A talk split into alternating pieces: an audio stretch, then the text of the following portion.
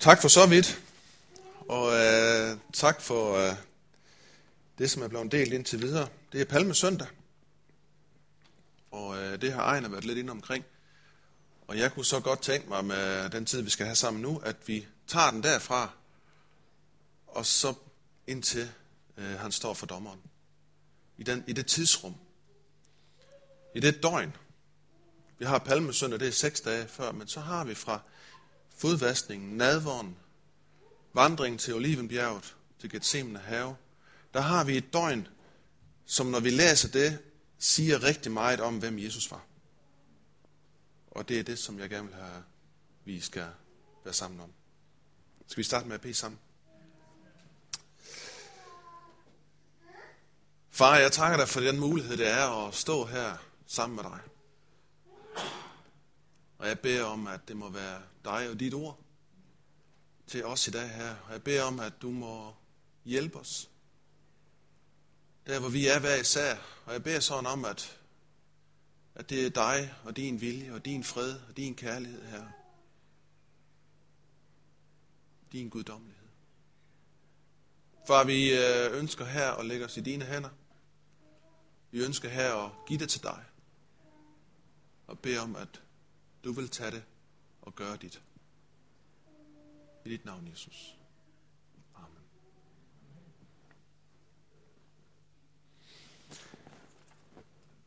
Jeg vil gerne starte med at læse fra Esajas 42, vers 2. Og så var jeg så smart, at jeg skrev lige øh, side ned, så det er 678 i min bibel.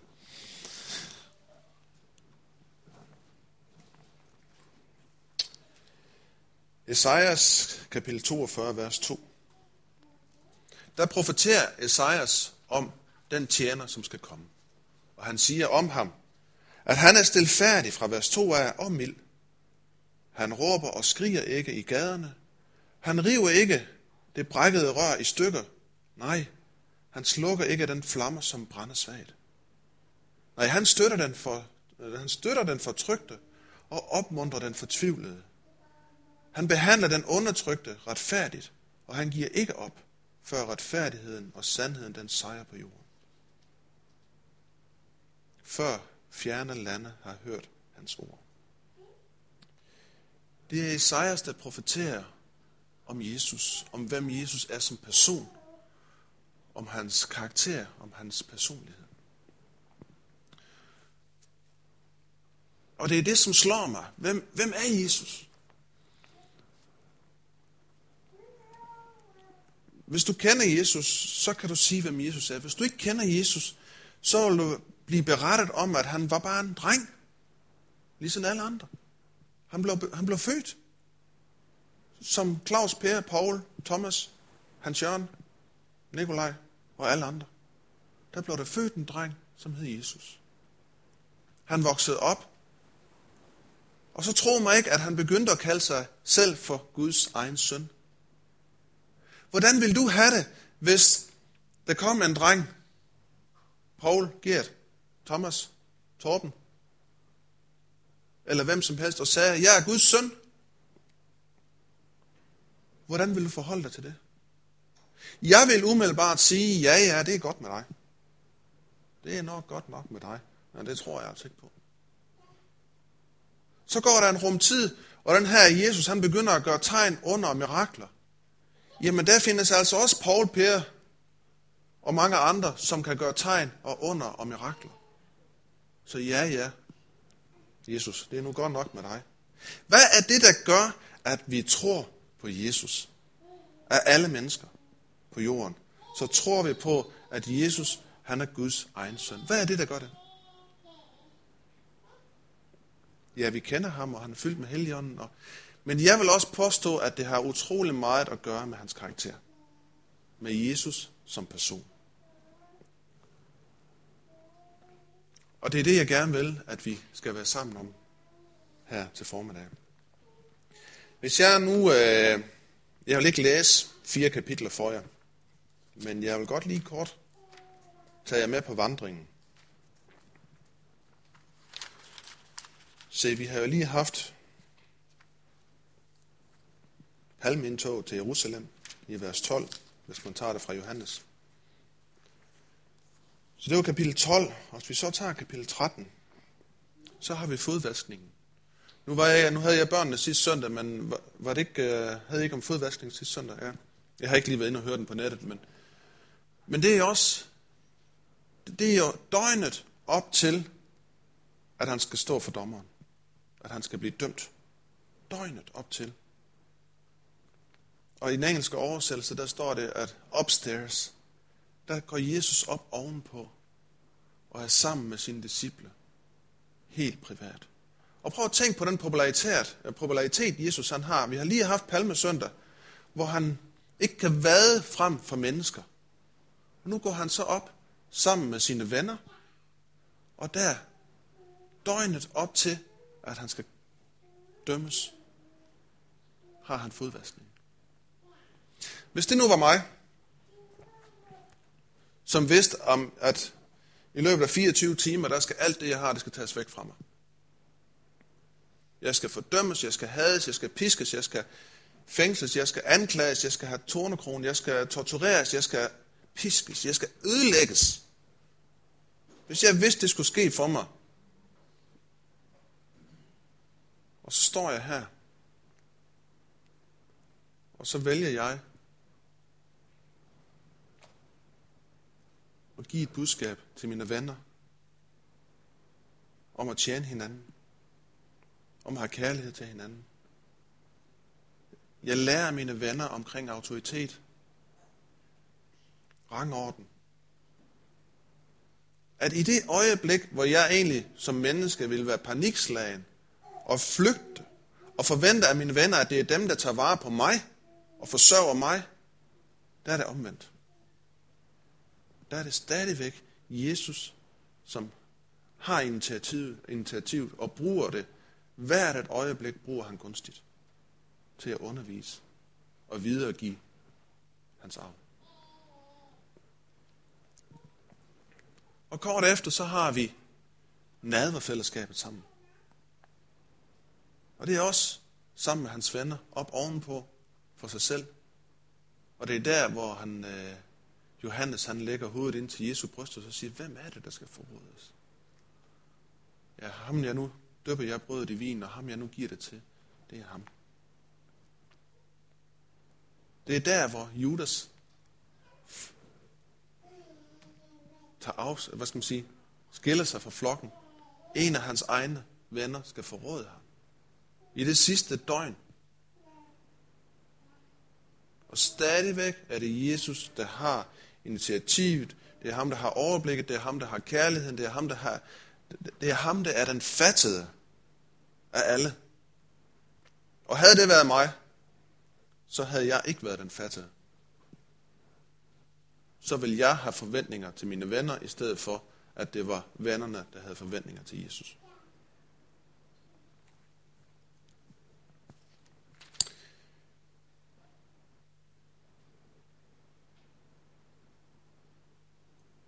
Og han forudser, at Jesus, at Peter vil svigte ham, og han underviser igen og igen om kærligheden. Og så har vi vandringen, hvor de går hen til Olivenbjerget. Og der forestiller jeg mig, at de har fået at spise, og de er nu afsted, og der går de. Og så har vi lignelsen om vintræet og grenene. Den, der bliver i mig, og så videre. Og jeg tænker, at de går her, og Jesus han underviser. Og så har vi jo vinplantagen lige her. Og Jesus han bruger det for håndsværende, hvad, hvad han nu lige har. Og så går han hen, og så tager han fat i vintræet, og så siger han til dem, hvis I bliver i mig, så bliver jeg i jer. Jeg er vintræet. I er grenene. Stadigvæk på den vandring, der åbenbarer han sig selv for dem. Og han giver sig selv for dem. Hvis det har været mig, så var jeg Ja, mit fokus har overhovedet ikke været på det i hvert fald. Lad mig sige det sådan. På at undervise i kærligheden. Og det er jo dybest set undervisning om kærligheden. For han siger også til dem, I må ikke, uh, I må ikke det er der, hvor han siger, hvis de ikke er i mig, øh, så er det dom over jer. Og så tænker jeg tit på, at det skal kendes på sin frugt, siger han også. Jamen vil det sige, at hvis jeg ikke frelser mennesker, så bliver jeg fordømt? Nej, det har jo ingenting med det at gøre. Han siger også heroppe i, nu skal vi, hvis vi går tilbage, i, det, ja, her i vers 13, kapitel 13, vers 34, Derfor giver jeg jer en ny befal, I skal elske hinanden, som jeg har elsket jer. Sådan skal I elske hinanden. Og hvis I har kærlighed til hinanden, vil alle kunne se, at I er mine disciple. Det er budskabet. Hvis I har kærlighed til hinanden, og så kommer frugten, vil folk kunne se, at I er mine venner. I er mine disciple. Så der er ikke fordømmelse over jeres gerninger. Men når kærligheden går kold, så er I ikke længere i Kristus. Og når kærligheden går kold, så er I døde.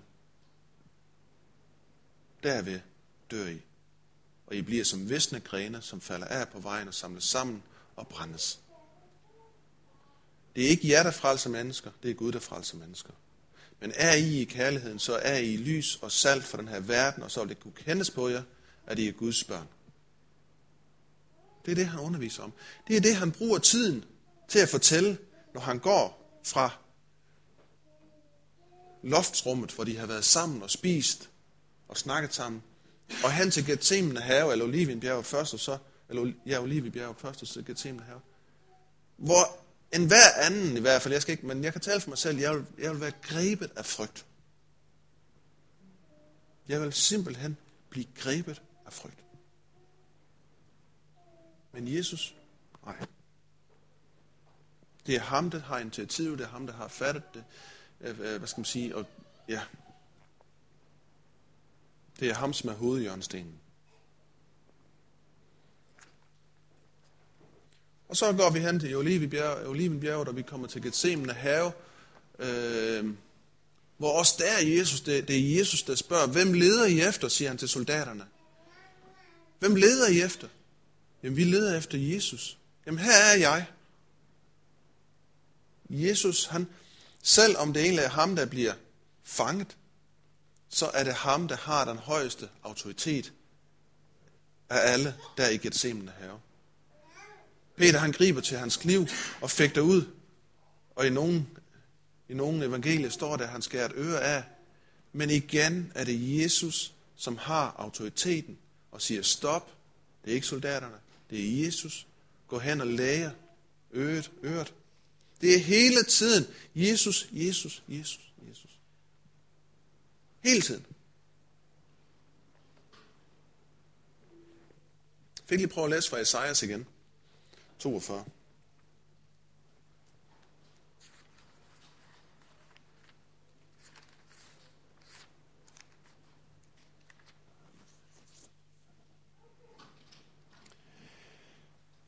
Nu siger jeg Jesus i stedet for han. Jesus er stilfærdig og mild. Han råber og skriger ikke i gaderne. Han river ikke det brækkede rør i stykker, og han slukker ikke den flamme, som brænder svagt. Han støtter den fortrygte og opmuntrer den fortvivlede, og han behandler den undertrykte retfærdigt. Jesus han giver aldrig op, før retfærdigheden og sandheden den sejrer på jorden. Før fjerne lande har hørt hans ord. Jeg tror, at det, der gjorde Jesus så guddommeligt, at vi virkelig forstod, at Jesus han var verdens frelser, det er Jesus som person. Jesus han var fyldt af helligånden. Jesus han havde, han gjorde tegn og under og mirakler. Men jeg tror også, at langt hen ad vejen, der var det et bevidst valg fra Jesus side om at følge det kald og den tjeneste, som Gud han har lagt i. Jesus han blev også fortvivlet. Jesus han var også menneske, ligesom dig og mig. Han sagde også, lad det her bære gå for, forbi mig. Jesus blev også fristet ud i ørkenen. Det Jesus han står over for her, det er ikke, øh, det kan vi ikke klandre og sige, jamen det er kun det er kun, det, det er kun en guddommelig. Nej, Jesus han var også person, og han var menneske som dig og mig. Og han kendte til frygt, han kendte til smerte, han kendte til fristelse. Men langs hen ad vejen, så valgte Jesus de ting, som var med til at fremme hans karakter, og gøre ham til den person, han var, ved at vælge bevidst. Det tror jeg. Så for at tage det fra en anden vinkel, så kan jeg ikke lade være med at... Jeg ved ikke, hvordan med jer, om I ser nogle reality shows en gang imellem.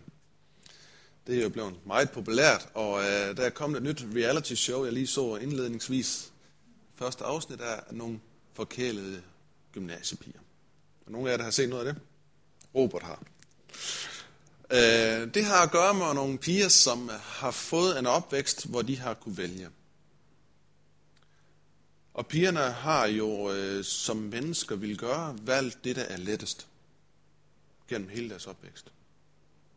Så de har jo aldrig skulle vaske deres tøj, eller hælde benzin på bilen, eller, eller øhm, lave deres mad, eller gøre rent. Eller. Fordi de har fået muligheden for at vælge til og fra. Og så vælger de jo den letteste vej, det vil vi alle gøre. Så det er jo ikke, det er ikke pigerne som sådan, jeg anklager, det er jo egentlig deres setting, hvor de har haft alle de her valgmuligheder, hvor de så har valgt fra. Nu står de så som voksne piger, og kan ikke tage vare på sig selv. De har ingen modenhed, de har ingen karakter, de har ingen evner, de har ingen erfaring. Det eneste, de har, det er en karakterbog og, nogle, og en masse penge. De kan nu ikke tage hånd om deres eget liv. Fordi de har fået lov til at vælge den lettere løsning. Og der er min pointe lidt her, at det, der skaber os som person, det er ikke den lette løsning. Det er ikke det, der giver os karakter. Det er ikke det, der former os.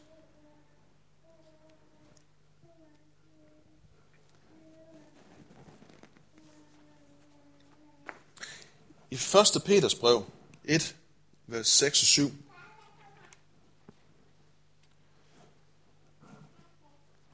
vil jeg gerne lige læse lidt.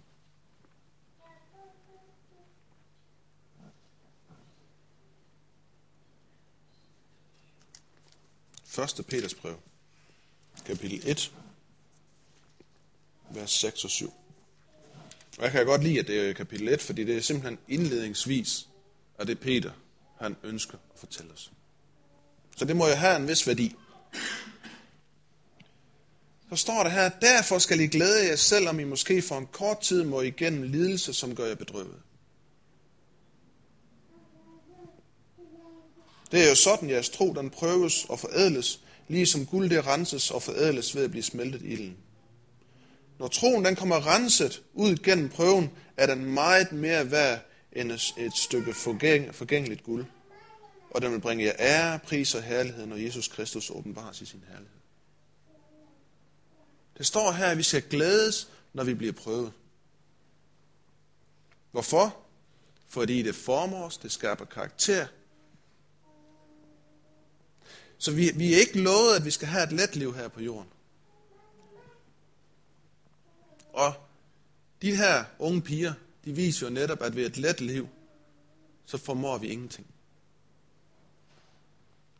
Så formår vi ingenting.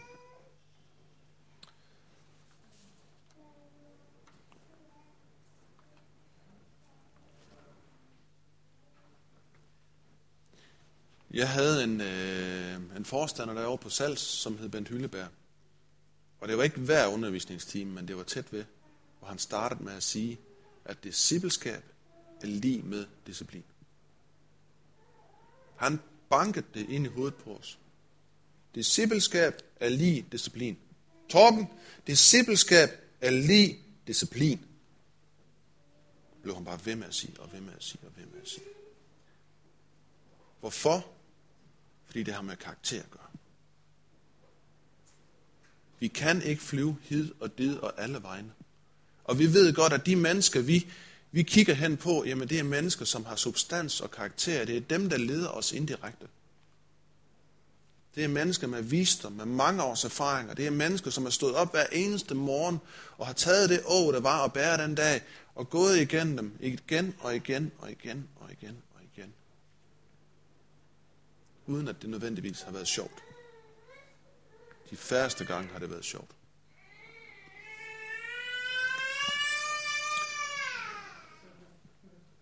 Jeg, øh, jeg har lige været til begravelse for min farmor. Hun øh, blev 102 år. Og jeg føler faktisk, at jeg har mistet en, øh, noget rigtig, rigtig værdifuldt. Hun var en af de her kvinder, som havde karakter. Og jeg vil ikke sige, at karakter og guddommelighed er lige med hinanden, men det er i hvert fald sådan, at karakter, det fører til guddommelighed, og guddommelighed fører til karakter. De hænger sammen, de to ting. Og når jeg tænker på min farmor, så er det en kvinde, som har arbejdet. Hun var den første, der stod op hver eneste morgen, og i mange år, der havde hun 14 mennesker ved bordet, hun skulle forsørge. Og min farfar, han var hestehandler, så han var tit bortrejst. Hvem skulle stå for gården derhjemme? Og det var så dengang en relativt stor gård. Det gjorde farmor. Hvem, hvem stod først op og lavede mad og satte kaffe over? Hvem gik sidst i seng? Farmor. Hvem har bedt for os alle morgen, middag og aften, dag ud og dag ind? Farmor. Hvem har båret os som familie til, at vi kom i, i Jyske år efter år? Farmor. Min farmor, hun er for mig, øh, hun, hun vil blive mindet. Og det, der blev sagt til hendes begravelse, det var også nogle af de her ting, men der blev også sagt, at vi bliver nødt til at samles, fordi vi har en skat, som ikke mange har. Så familien lovede ikke at gå hver til sit. Og dagen efter, at hun døde, der blev mine forældre oldeforældre. Så det var dagen inden, hun kunne have blevet tipoldemor. Og hun havde omkring, jeg tror, en nærheden af knap 70 oldebørn. Vi var en stor familie. Meget stor familie. Men farmor var for mig et forbillede i og i karakter og guddommelighed. I at tage det å, som var blevet lagt i hendes skål. Og uden beklagelse. Når du spurgte farmor, hvordan har hun det? Jamen, jeg har det jo godt. Altid, altid, altid. Jamen, jeg har det jo godt. Når vi snakkede om andre mennesker, vi kunne ikke få hende til at sige noget dårligt om andre mennesker. Hun sagde, jamen, en sådan og en sådan. Hun sagde aldrig negativt ting om andre mennesker. Aldrig. Det var min farmor.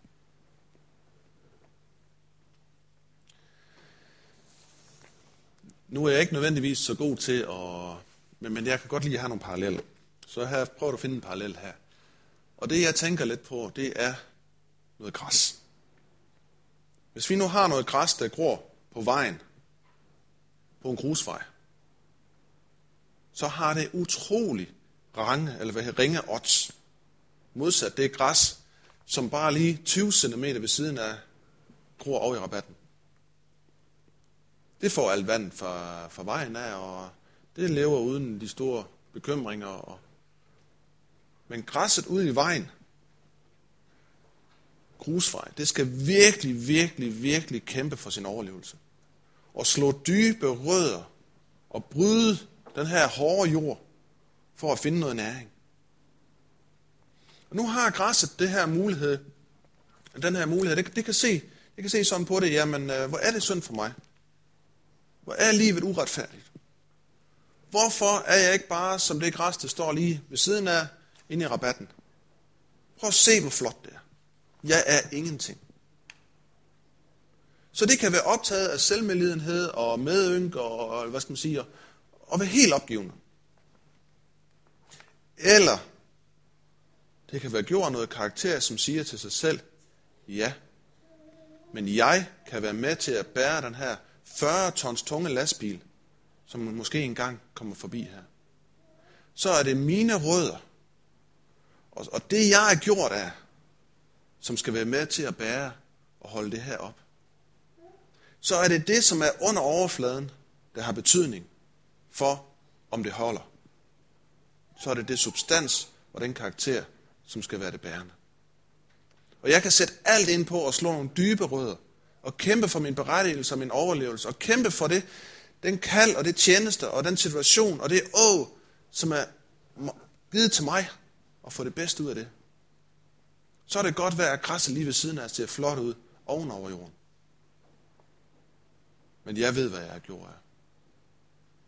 Og jeg ved, at når lastbilen kommer, så er mit rodnet, det vil være med til at holde den op. Vi ved alle sammen, hvordan det er at køre på noget blødt underlag, og så lige pludselig komme igennem græsset. I det øjeblik, vi er igennem græsset, så, så sidder vi der.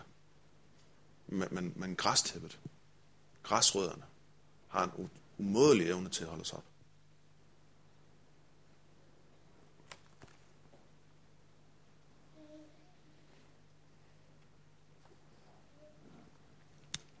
Nu vil vi gå tilbage til Jesus igen.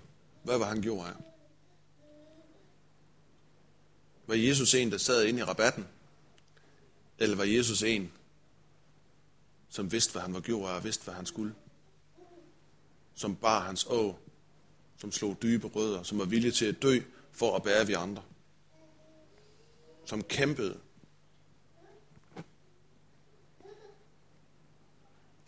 Jeg siger ikke, at vi nødvendigvis skal korsfæstes. Men jeg tror virkelig, vi har brug for at være som det græs, der er villig til at betale prisen.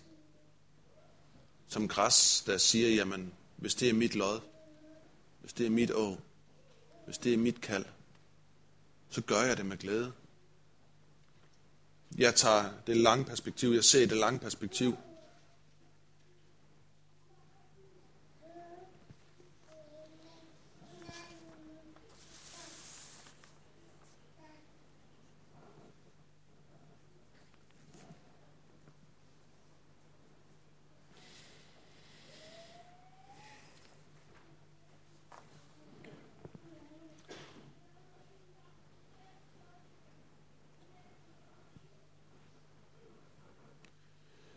Ja, jeg har været lidt omkring lignelsen med vintræet, det tror jeg, jeg vil springe over.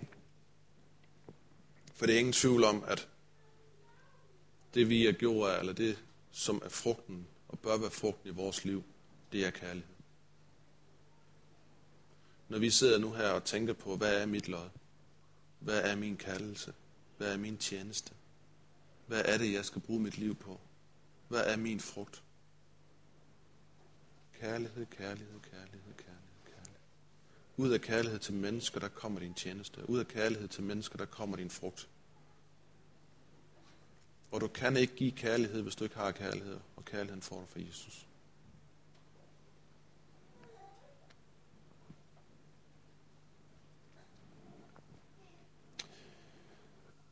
Nu kan vi så spørge os selv, om det er en parallel mellem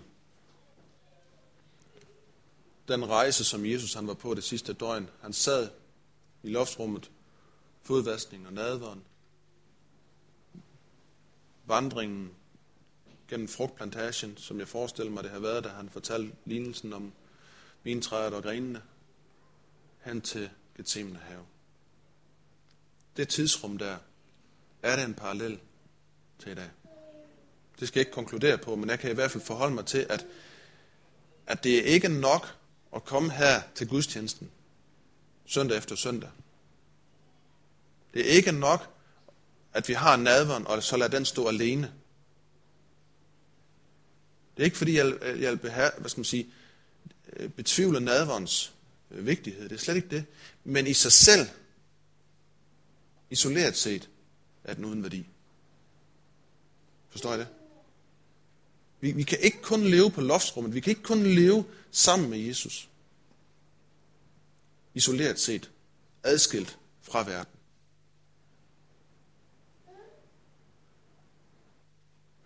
Så går vi igennem forvandlingen,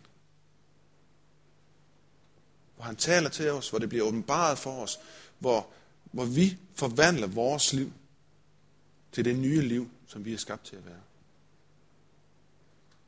Men det kan heller ikke stoppe der. Det kan det ikke. Så er det uden frugt. Det kommer til den dag, hvor vi skal dø til os selv og opstå et nyt liv. Og den dag, der er vi, der er vi alene. Den dag står vi selv.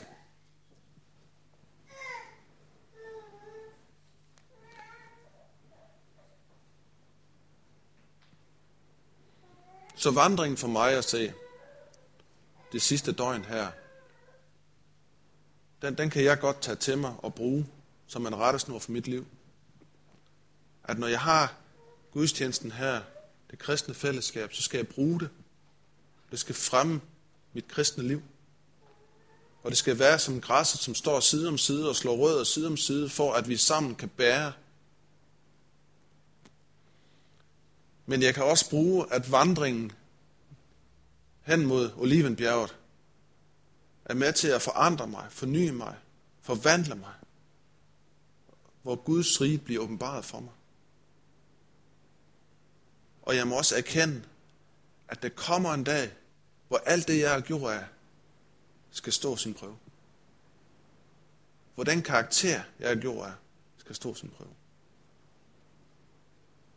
Og der står jeg selv.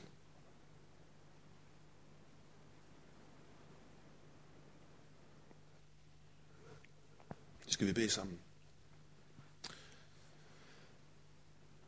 Far i himlen, jeg beder virkelig om, at vi må være et fællesskab, som står sammen, når det gælder. Jeg beder om, at vi må være et fællesskab, som, som forstår kærlighedens budskab.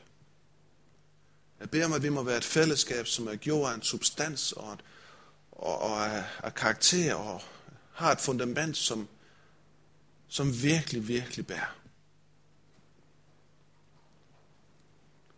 Som er guddommeligt her.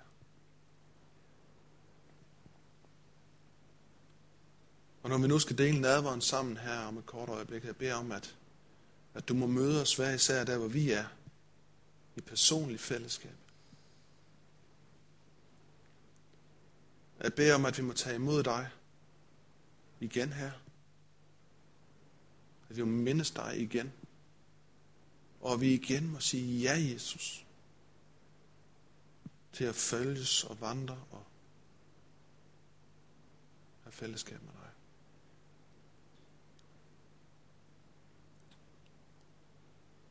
Tak, Jesus, at du ved din død indstiftede den nye pagt. Ved dit blod, Herre. Ved din opstandelse sejrede over det onde. At denne verdens fyrste faldt og blev vundet her. Du har sejret over det onde.